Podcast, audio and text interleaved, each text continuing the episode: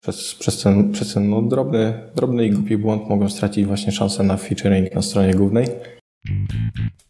Cześć, witam Was w 28 odcinku podcastu retrospektywa.com, podcastu, w którym rozmawiamy o projektach. Nazywam się Mateusz Kupilas i w dzisiejszym odcinku porozmawiamy sobie z autorem gry o wdzięcznej nazwie Jewani, e, z Adrianem Zarzyckim, Gra Jewani była featureowana w Apple App Store e, przy premierze, czyli była bardzo dobrze widoczna i to jest myślę naj, najciekawszy element tego, tego odcinka, czyli co można zrobić, by również zdobyć taki dodatkowy boost, e, boost widoczności w Apple App Store, ponieważ jest tam parę takich standardowych punktów, które, które można zrobić, które można wykonać, by znacznie podwyższyć nasze szanse właśnie na featuring w Apple App Store. Oprócz tego o błędach w projekcie, o technologiach i całej autorstwie wokół projektu. Zapraszam. I heartily endorse this event or product. Sponsorem odcinka jest mój projekt IT Startup Gra Karciana. Jeżeli lubicie karcianki typu Magic the Gathering czy Hearthstone i chcielibyście zagrać fizyczną grę karcianą o świecie IT, gdzie zagrywamy programistów, wzmacniamy ich wiedzą i podkradamy sobie dział HR, to zapraszam pod itstartup.pl. Cześć Adrian, witam Cię w perspektywie. Cześć. Przedstaw się proszę słuchaczom, kim jesteś, czym się zajmujesz. Jak mógłbym się przedstawić, żeby nie wyszło zbyt poważnie? Może tak, więc zajmuję się tworzeniem gier, gier mobilnych.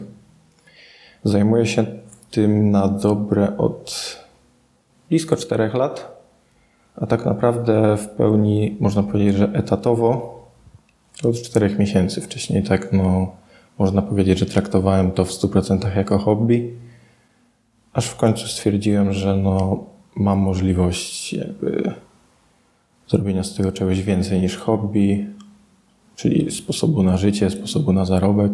No i w sumie tyle. No, też mam zawsze z tym problem, przez co wrzucam. E, zawsze gościom pytania, by się e, przygotowali sobie przedstawienia się, bo też kiedy się w podcaście zaciąłem właśnie, jak się przedstawiałem, bo się nie spodziewałem tego. Do wszystkich innych pytań się przygotowałem tylko do przedstawienia, nie? I... To jest zawsze najcięższe, wiesz, powiedzieć coś konstruktywnego o sobie. No tak, jak, jak się przygotujemy do tego, to zdecydowanie łatwiej. Tak. Mm, dzisiaj będziemy rozmawiać o, o paru Twoich projektach, głównie o projekcie Yabani, taka e, gra, e, taki platformer na iOS-a i na Androida. Gdybyś mógł tak przedstawić e, słuchaczom projekt dla tych, którzy kompletnie nie kojarzą go. No więc Yabani to jest prosta platformówka na platformy mobilne iOS, Android. Platformówka w stylu OneTap, czyli do sterowania e, w grze no, używamy praktycznie jednego przycisku. Jest to bardzo prosty projekt, prosta platformówka, prosta gra. Tak jakby miałby to być mój projekt poboczny. Projekt, który miałem stworzyć w tydzień, dwa, bo pamiętam, że w okresie, kiedy zaczynałem go tworzyć, pracowałem nad innym projektem o wiele większym, którym już się po jakimś czasie znudziłem. I pamiętam, że stwierdziłem, że tak w ramach trochę odskoczni stworzę sobie prostą platformówkę. Dam sobie tam czasu, no parę tygodni na to. No ale wyszło tak, że skończyłem po pół roku i wydałem to jako taką no, pełnoprawną grę na iOS-a. I trochę pracy przy tym było. I trochę błędów popełniłem. W pierwszej kolejności na iOS-a wydawałeś, tak? Tak, w pierwszej kolejności wydałem na iOS-a i była to moja na dobrą sprawę pierwsza gra, którą wydałem samotnie na tą platformę. A tam był jakiś konkretny powód, dlaczego, dlaczego najpierw iOS, a później Android? Y, znaczy się, wiesz, no generalnie słyszałem, że wydawanie gry jako ekskluzyw czasowy na iOS-a może się przyczynić jakby do bardziej przychylnego tam spojrzenia przez tych ludzi z Apple'a na grę, no i w późniejszym czasie łatwiejszy featuring i promocję w sklepie App Store. No też właśnie o tym słyszałem, że jeżeli e, jest to faktycznie ekskluzyw na iOS, że jakoś te, te szanse na feature są po prostu większe. Chociaż do końca nie wiem, czy to jest prawda, czy tylko mit. No, czyli jest to platformówka, tak kojarzy się to e, trochę z tym e, Mario Run, czy jak, jak, się, jak się nazywa ta? Super Mario Run. Super Mario Run. To była pierwsza rzecz, którą mi się właśnie to skojarzyło. tak, chociaż w ogóle się nią nie inspirowałem, ani nie. Bo ja nie wiem, czy Super Mario Run chyba nie wyszedł albo w tym samym czasie, albo trochę później. Teraz już nie pamiętam, no ale na pewno się nią nie inspirowałem. Inspirowałem się inną grą, którą mogę wymienić, e, a było to Super Cat Tales. to może pod względem mechaniki czy gameplayu nie była podobna gra do mojej. Była to też platformówka, ale tam jakby głównie zainteresował mnie styl graficzny. Taki typowy retro pixel art, który ja też właśnie użyłem w swoim projekcie. Ale jeżeli chodzi o tą mechanikę, to, to jest chyba mega popularna, jeżeli chodzi o, o platformówki, że po prostu lecimy automatycznie, autorun i tylko skaczemy, że masę platformersów ma taką mechanikę. No tak, to już jest dosyć oklepany temat, no ale ciągle popularny. To jest jedna z, jedna z najlepszych mechanik, która się sprawdza po prostu na mobilkach, żeby nie musieć tych strzałek naciskać i tak dalej, żeby sobie wygodnie grać jednym palcem. To przejdźmy może do, do technologii. E, jakie technologie wykorzystywałeś w projekcie? Czy żałujesz może jakichś z tych wyborów, czy może e, według Ciebie to, z czego korzystałeś, się super sprawdziło? Mm, gra została napisana w silniku Unity. No, tutaj chyba nie ma żadnego zaskoczenia. Mm, jakich jeszcze technologii korzystałem? Używałem do mediacji reklam Apodila. Do analityki używałem Game Analytics, do zbierania danych o graczach. No i głównie to wszystko. Nie korzystałem z jakichś super specjalnych technologii czy frameworków. Mm, mógłbym tam wymienić parę jakichś drobnych pluginów z Asset Store'a, które użyłem przy projektowaniu leveli, no ale myślę, że to nie jest aż tak ważne. A do grafiki, czy co wykorzystujesz? Z tego, z tego co kojarzę, to w Gimpie pixel arta robisz? Yy, nie. Przeniosłem się jakiś czas temu na program Pixel Edit, który już jest takim typowym programem do pixel artu, a przeniosłem się na niego z Gimpa. Generalnie do pixel artu, no to każdy program graficzny się nada, nawet właśnie Gimp czy od biedy Paint. No chociaż nie, no bo nie ma warstw. Ale przeniosłem się na Pixel Edit dlatego, że tam są bardzo wygodne narzędzia do animacji poklatkowych. A w pixelarcie no, animacje poklatkowe no to są, jest główna forma animacji tak naprawdę wszystkiego. A jak, jak uczyłeś się? Właśnie może, może tak, e, jesteś bardziej tak, taką osobą od tej strony, od tej warstwy programistycznej, czy właśnie od tej graficznej i właśnie jak się tego w ogóle nauczyłeś, bo to jesteś takim, jesteś takim kombajnem, że tworzysz sam grafikę, sam programujesz, sam ten gameplay robisz i właśnie w czym się tak pewniej czujesz, w tej grafice czy w programowaniu? No właśnie trudno powiedzieć. Do tej pory nie mogę zdecydować, bo ani się nie czuję dobrze w grafice, ani w programowaniu. I myślę, że jest tak no centralnie pół na pół. I też właśnie e, podczas tego mojego procesu tworzenia gry on jest na tyle chaotyczny, jakby pomieszany, że e, ja jakby tworzę jednocześnie kod i grafikę, nie mam jakby podziału na, że najpierw sobie napiszę tą grę, później stworzę do niej grafiki, tylko tam jakby no, pracuję, powiedzmy tak, programuję przez jakiś czas grę, znudzę się programowaniem, więc myślę, że sobie teraz potworzę trochę grafik. I to jest właśnie takie trochę poplątanie tego wszystkiego. A jak się wszystkiego uczyłem, tak? No to... Dużo, dużo osób o to właśnie pyta słuchaczy, że jak, jak zacząć z jakichś źródeł się uczyć, to bardzo, bardzo, bardzo mile widziane są takie informacje. No ja na przykład, jak zaczynałem całą przygodę z game devem, no to nie potrafiłem wcale programować nic, a nic. Nawet nie miałem żadnych podstaw. No i od tego właśnie zacząłem, że zacząłem się uczyć programować. A czego używałem? No to głównie internetu. Poradniki w internecie. Zacząłem sobie tworzyć mm, prosty projekt, pierwszą grę i tak jakby na bazie tworzenia tej pierwszej gry uczyłem się wszystkiego, co jest mi potrzebne do jej stworzenia. Nie robiłem tak, że uczyłem się czegoś powiedzmy na sucho, tylko zawsze uczyłem się czegoś, co jest mi potrzebne i będzie mi potrzebne. Czyli na przykład chciałem stworzyć system sterowania postaci w grze i nie wiedziałem, jak tą postacią poruszać, to akurat w danym momencie uczyłem się o tym, jak poruszać obiektami, no w tym przypadku w Unity. I tak było praktycznie ze wszystkim, czego się uczyłem jeżeli chodzi o programowanie. No i jeżeli chodzi o grafikę, w tym przypadku pixel art, no bo to jest główny styl, w jakim tworzę, no to już po prostu jest kwestia no, wyćwiczenia pewnych rzeczy i wyrobienia sobie jakiś, jakiegoś stylu, jakichś nawyków właśnie rysowania. I dużo właśnie na początku starałem się rysować rzeczy, które niekoniecznie później wykorzystałem w jakimś projekcie czy w jakiejś grze, a głównie robiłem to w ten sposób, że wzorowałem się powiedzmy na jakichś grafikach i próbowałem je odtworzyć samemu, e, jakby sam i później porównywałem obie grafiki i widziałem na przykład, jakie błędy popełniam, na przykład w cieniowaniu czy w kolorach, w palecie kolorów i mogłem sobie właśnie porównać, e, co jeszcze muszę poprawić i co dopracować, żeby te moje grafiki były no, lepsze. I myślę, że tak no, głównie na tym to wszystko polegało. No to tak właśnie zawsze polecam, że nie warto za, za, dużo robić na sucho, by sobie tylko teorię przerabiać, kolejny tutorial, tylko faktycznie trzeba coś robić i robiąc coś najlepiej uczymy. Jeżeli chodzi o narzędzia do, do planowania, korzystasz tu może z czegoś, czy robisz tak bardziej e, z marszu, że nie masz to do końca zaplanowane, na przykład, nie wiem, narzędzie typu Trello czy Hack and Plan, korzystasz z czegoś takiego, czy, czy raczej nie? Nie, w ogóle nie korzystam z takich narzędzi. Ja po prostu tak można powiedzieć, że pracuję spontanicznie.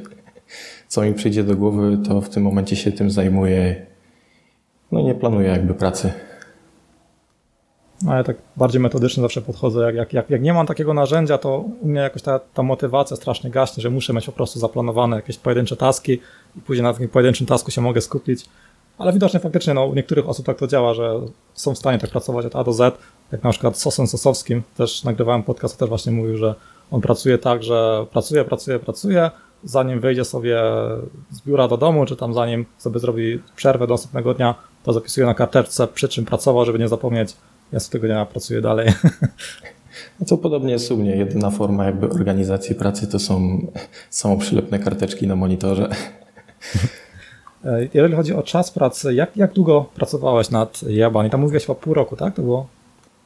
Zacząłem list, na początku listopada 2016, a premiera była pod koniec maja 2017. Tyle, że tam był mm, miesiąc obsługi w tej premierze. Więc tak jakby liczyć, to będą dwa miesiące do końca roku. Siedem miesięcy powiedzmy. Od początku prac do końca premiery, no to będzie siedem, bitych miesięcy. Ale to, to nie, było twój, jakby, nie było to twoje główne zajęcie. Studiowałeś chyba obok tego, z co kojarzę. Tak, wtedy jeszcze studiowałem i ta praca nad grami no, nie odbywała się pełnoetatowo, że tak powiem. Więc myślę, tak szacowałem sobie ostatnio, gdybym nad tą grą pracował pełnoetatowo, myślę, że spokojnie udałoby mi się skończyć w 4 miesiące. Też, też tego tak do końca nie można przekładać. Też sobie właśnie kiedyś myślałem, że jak robię po godzinach coś przez pół roku yy, i tak myślę, poświęcam tylko tygodniu tam ileś tam godzin, że jak teraz siedzę przy tym 8 godzin dziennie, że to teraz nagle x razy szybciej, a to jednak tak nie do końca jest tym przeliczeniem, że nie zawsze jest to, że 8 godzin siedzimy i tyle progresu zrobimy. że jest taka no. popularna pułapka indyków, jak przychodzą na full time, że myślą teraz, że im e, ta ekstremalnie ta wydajność wzrasta, a tak często, często właśnie niestety nie jest. Właśnie zauważasz coś takiego u siebie, bo od, odkąd przeszedłeś właśnie na full time, e, zrobienia tego po godzinach, że e, powiedzmy jak robiłeś to, nie wiem, 3 godziny dziennie po godzinach, jak teraz robisz to 8 godzin dziennie, że faktycznie e, ponad dwa razy ta wydajność wzrosła, czy jakie to są twoje doświadczenia? No na pewno jak pamiętam w lutym zakończyłem pracę na etacie i w końcu mogłem się skupić pełnoetatowo na grach, no to na pewno zaobserwowałem spory wzrost wydajności i te pierwsze tygodnie, jak pracowałem właśnie już pełnoetatowo, to zauważyłem, że no, zrobiłem masę nowych rzeczy w projekcie, które normalnie by mi zajęły no, z dwa, trzy razy tyle. Dokładnych wyliczeń na pewno nie mam, bo też no, jakby nie śledzę tego czasu pracy, jakby nie kontroluję tak dokładnie, ale no, wzrost na pewno był ogromny, bo jeżeli no, przy, przed tym momentem, kiedy zakończyłem pracę na etacie, no, byłem w stanie poświęcić dziennie dwie, maksymalnie trzy godziny na game dev, a później to było 8 plus godzin dziennie, no to trudno, żeby te wzrosty nie były duże. Okej, okay, to przejdźmy może teraz do e, modelu biznesowego. E, jak gra ma zarabiać? Bo to jest, e, jest to gra darmowa z reklamami i płatnościami wewnątrz aplikacji. Gdybyś tak mógł powiedzieć, właśnie podzielić się tym, jak, jak jest to zaimplementowane i co się u Ciebie najlepiej sprawdza. Generalnie, jeżeli chodzi o takie proste gry zręcznościowe, to tutaj jakby przewagę mają reklamy, a nie mikrotransakcje. Mogę na przykład powiedzieć, że w przypadku jebanego to ta proporcja w zarobkach między reklamami a mikrotransakcjami to jest chyba nawet ponad 10% do 90% na korzyść reklam. I głównie właśnie w oparciu o reklamy gra zarabiała i cała monetyzacja jest oparta właśnie o reklamy. Do reklam sobie użyłem mediacji w postaci Apodila, czyli takiego systemu mediacyjnego, który zajmuje się tam dostosowaniem jakby najlepszej w danym momencie sieci reklamowej, która może wyświetlić graczowi reklamę. Bo miałem też do wyboru skorzystać z jednej konkretnej sieci reklamowej, na przykład Unity Ads, ale w tym przypadku akurat no, lepsza okazała się mediacja, bo jeżeli korzysta się z jednej sieci reklamowej, no to nie zawsze te jakby stawki za reklamy są dość wysokie, a jeżeli korzystamy z kilku sieci w mediacji, to za pomocą tej mediacji jest wybierana zawsze sieć, która ma najlepsze stawki. Więc tutaj no, było to na plus. Jeżeli chodzi o mikrotransakcje, no to tam typowo, tak jak w każdej grze zręcznościowej, miałem do, do wykupienia wyłączenie reklam w grze, parę jakichś dodatkowych bonusów, plus e, wykup, automatyczny wykup dostępu do kolejnych plansz, które były zablokowane dla gracza. I z tych mikrotransakcji to chyba największą popularnością właśnie cieszyło się wykupienie reklam. Z tym wyborem tego, by e, dobierać reklamy najlepiej płatne, to jest e, no, super opcja. Ja pamiętam, że kiedyś tylko e, chyba tylko AdMoba miałem i nawet nie słyszałem o czymś takim, że istnieje coś takiego, właśnie taka mediacja. Tak, druga sprawa to też mm, wybór między grą darmową z reklamami i mikropłatnościami, a grą płatną już od początku jakby przy instalacji grą premium. Więc no tutaj jakby wybór też padł na darmową, bo wiedziałem, że taka gra no będzie miała na pewno większy zasięg, bo gry płatne obecnie są niestety w odwrocie i no ja sobie mogę jedynie szacować, ile musiałbym sprzedać kopii gry za daną sumę, żeby wyjść zarobkowo na tyle samo, ile powiedzmy zarobiłem przy tych pobraniach, które mam teraz i przy grze darmowej.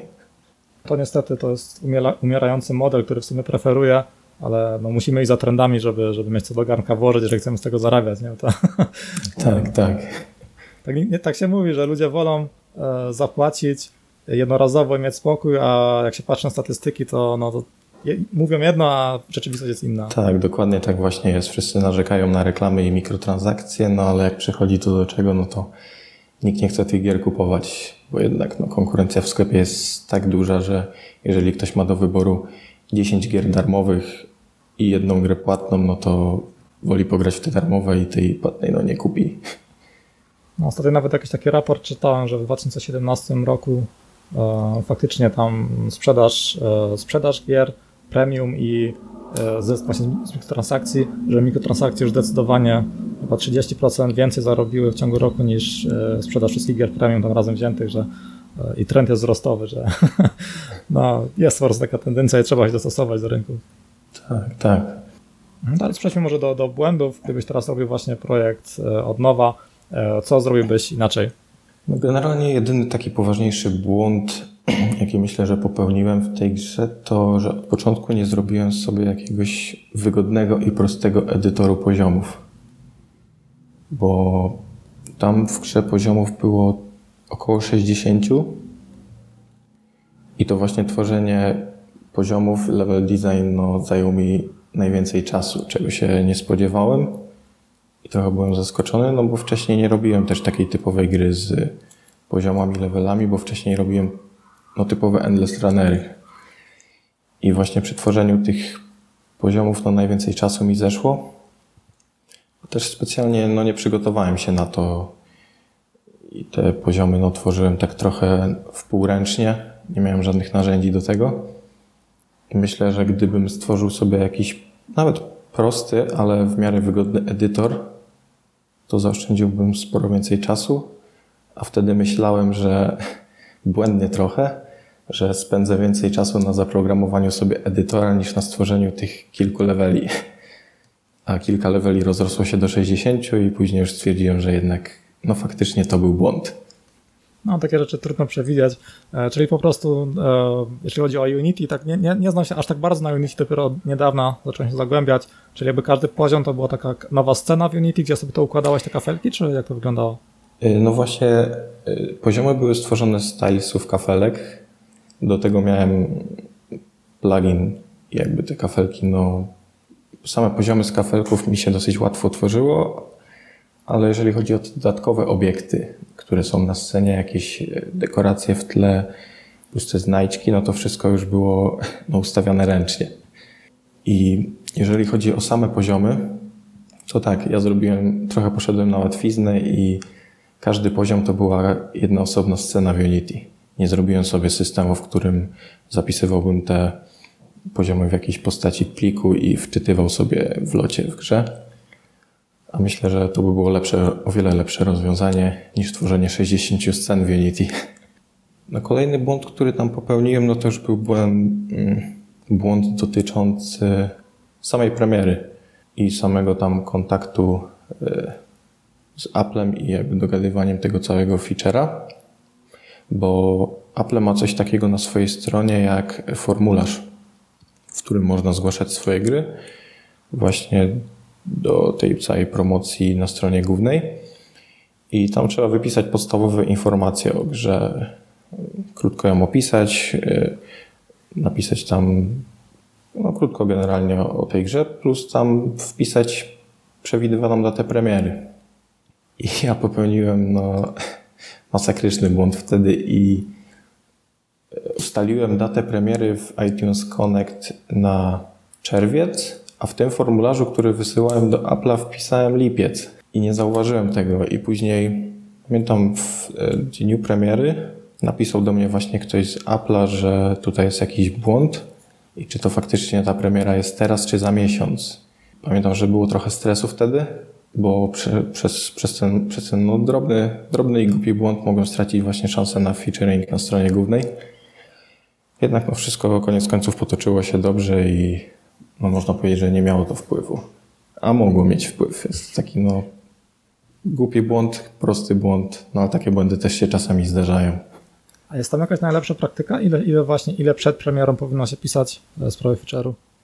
Mm, nie pamiętam dokładnie jak tam jest, bo wiem, że w tym formularzu jest napisane, e, tylko już nie pamiętam, czy to były 4 tygodnie, bo jedni powtarzają, że to są 3 tygodnie, inni 4 tygodnie, jeszcze inni 6 tygodni. Ale ja zawsze, ja zawsze tak, no, e, tam wysyłam ten formularz na 4 tygodnie przed premierą. Tak sobie to zawsze ustalam. I to chyba jest właśnie taki optymalny czas. Okej, okay, to dobrze wiedzieć.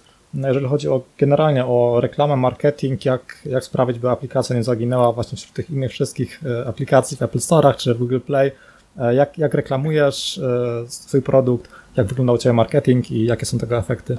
No ja generalnie jako taki typowy indyk i samotny twórca, no mam dość ograniczone pole do popisu, no nie mam żadnego budżetu reklamowego, no jedynie mogę bazować na mediach społecznościowych, głównie Twitter, Mam tam powiedzmy jakąś swoją bazę e, osób, które mnie obserwują i na których tam no, mogę oprzeć e, swój marketing. No i w przypadku gier na iOS-a, no to też jest ważne prowadzenie devloga na forum ToucherGate. Jest to bardzo popularne forum właśnie, na którym twórcy e, prowadzą devlogi i publikują swoje postępy z gier.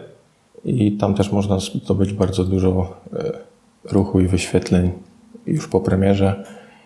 No i to chyba tyle. No. Tak też za bardzo, no, powiem szczerze, że nie przykładam się zbytnio do marketingu i no, ten Twitter plus TouchArcade, no to jest no, takie dwie formy, które tam, na których gdzieś tam bazuję. Okazjonalnie Reddit, jakieś tam poszczególne subreddity, na których mogę gdzieś tam przedstawić swoje projekty. Ale myślę, że Reddit akurat w moim przypadku ma tam minimalny wpływ. No też właśnie już słyszałem o tym, że Touch Arcade, e, jeżeli tam to dobrze zrobimy, faktycznie bardzo może wpłynąć e, na feature w App.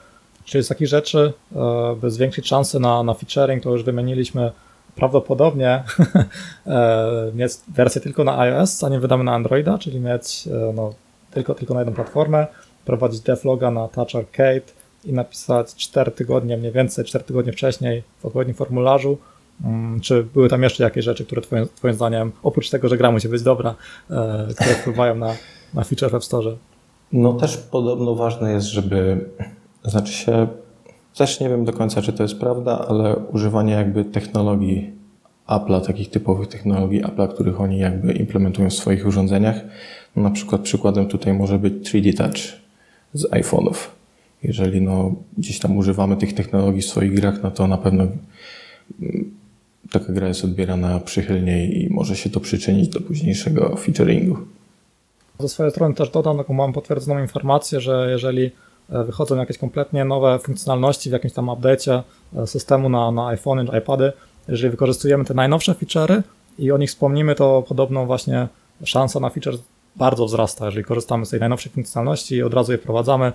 Bo Apple dużo, bardzo często lubi się właśnie chwalić tym, o, że to są aplikacje, które od razu w jakiś tam dobry sposób korzystają z tych naszych nowych bajerów, że, że warto się tym interesować i to e, wrzucać do naszej e, produkcji. No tak, dobrym przykładem ostatnio była premiera iPhone'a X i właśnie deweloperzy, którzy szybko, zaraz po premierze tego iPhone'a dostosowali swoje gry czy aplikacje do ekranu tego urządzenia. Mogli liczyć właśnie na promocję na głównej stronie sklepu w specjalnej kategorii e, bodajże Great on iPhone X. I też miało tak, to spory wpływ na właśnie promocję tych gier.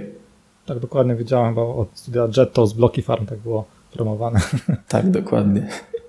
E, no to fajnie, to, to super, to dużo, e, dużo przydatnych informacji. A jeżeli chodzi o twoje, twoje plany na przyszłość, e, czy planujesz jakoś rozwijać jeszcze tego jebanego, czy jak, jak nad takimi innymi grami pracujesz, jakie są twoje generalne plany na przyszłość? No nie, ten projekt jest akurat projektem zamkniętym. Myślę, że już więcej nie mam zamiaru go rozwijać. Obecnie pracuję już nad innymi projektami, między innymi nad Idle Tower Tycoon, czyli takim typowym tajkunem w stylu Idle, który no też niedawno się ukazał na iOSie oraz na Androidzie we wczesnym dostępie. Myślę, że właśnie w tym kierunku chciałbym iść, czyli gier no bardziej złożonych, skomplikowanych niż takie typowe platformówki, typowe gry zręcznościowe, bo myślę, że takie gry mają o wiele większy potencjał i w przypadku takich większych gier, w których już no, powiedzmy, że gracz jest jakby bardziej zaangażowany i dłużej zaangażowany niż te 5 minut, które może przeznaczyć na grę typowo zręcznościową, to jest no, jakby łatwiej, łatwiej sobie poradzić monetyzacyjnie niż w przypadku gier e, zręcznościowych bez właśnie feature'a. No bo jeżeli taka typowo gra zręcznościowa no nie dostanie tego feature'a w, w sklepie Apple'a, no to tam już no, ciężko jest cokolwiek, cokolwiek zrobić, bo też no, konkurencja na e, rynku gier zręcznościowych jest dosyć duża. No i tam się przedostać jest ciężko. W przypadku takiej gry no, typowego Tycoona czy typowej gry Idol, to łatwiej już sobie można w jakiś tam sposób poradzić bez tej promocji i powiedzmy zrobić jakiś dobry wynik, dobry wynik bez tego. No bo właśnie z tego co kojarzę, też pracowałeś przy takiej innej grze Idle, tylko że to było z wydawcą przy, przy reaktorze i jak, jakbyś tak powiedział, twoim zdaniem takie największe różnice pracując przy grze takiej zręcznościowej i grze Idle, jeżeli chodzi o monetyzację czy podejście do, e, do tworzenia tego, jakie są tutaj według Ciebie Twoje, e, według Ciebie najważniejsze różnice w podejściu do takiego projektu? No na pewno podstawową różnicą jest to, co, o czym już mówiłem, że no, Prosta gra zręcznościowa głównie monetyzacyjnie będzie bazowała na reklamach. Natomiast już taka złożona gra idle, no to tutaj już będzie ten podział między reklamami a mikrotransakcjami no już taki bardziej wyrównany i więcej właśnie można ugrać na dobrze zaprojektowanych mikrotransakcjach.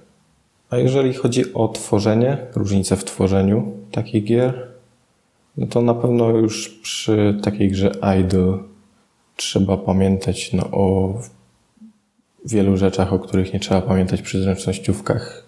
Na przykład tutaj cała ekonomia gry czy balans, no to śmiało mogę powiedzieć, że to jest najtrudniejszy etap tworzenia takiej gry. A takiego etapu no nie było w przypadku platformówki, no bo o jakiej ekonomii można mówić w takiej grze. No to pozostaje, pozostaje mi trzymać kciuki za twój nowy projekt. Idle Tower Tycoon, też pobrałem go ostatnio.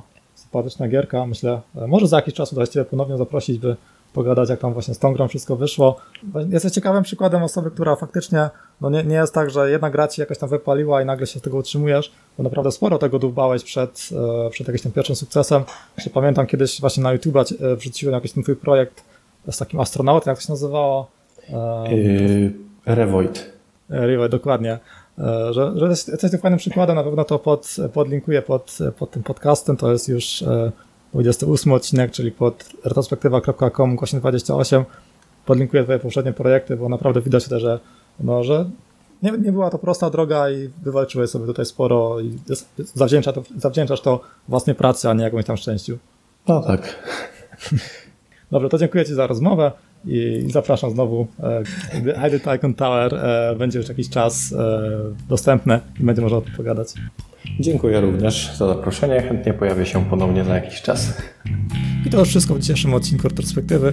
Mam nadzieję, że Wam się podobało. Wszystkie linki związane z odcinkiem znajdziecie pod retrospektywa.com 28, jak mówię, jest to ósmy odcinek podcastu. Jeżeli podcast Wam się podoba, chcielibyście go wesprzeć, to zapraszam pod retrospektywa.com kośnik wsparcie. To możecie przeczytać, jak możecie to zrobić, na przykład zwykła ocena na iTunes, polubienie na Facebooku. Są to rzeczy, które Was nic nie kosztują, a pomagają w podbijaniu zasięgów podcastu. Słyszymy się znowu za tydzień. Znowu będzie o game devie z autorem licznych gier logicznych, z autorem ostatnio bardzo popularnej gry, e, popularnej gry logicznej Scalak. Może kojarzy, kojarzycie jego starszą grę Zenji. Za tydzień pojawi się odcinek z autorem tej gry. Jeżeli sami macie jakiś projekt, e, czy to gra, czy to jakaś strona internetowa, czy, in, czy jakaś ciekawa inicjatywa, niekoniecznie musi być to e, projekt związany w 100% z programowaniem, to zapraszam do kontaktu. Chętnie przeprowadzę z Wami rozmowę. Myślę, że każda osoba zawsze może się czymś ciekawym podzielić, co da jakąś wartość słuchaczom. Słyszymy się znowu za tydzień. Cześć!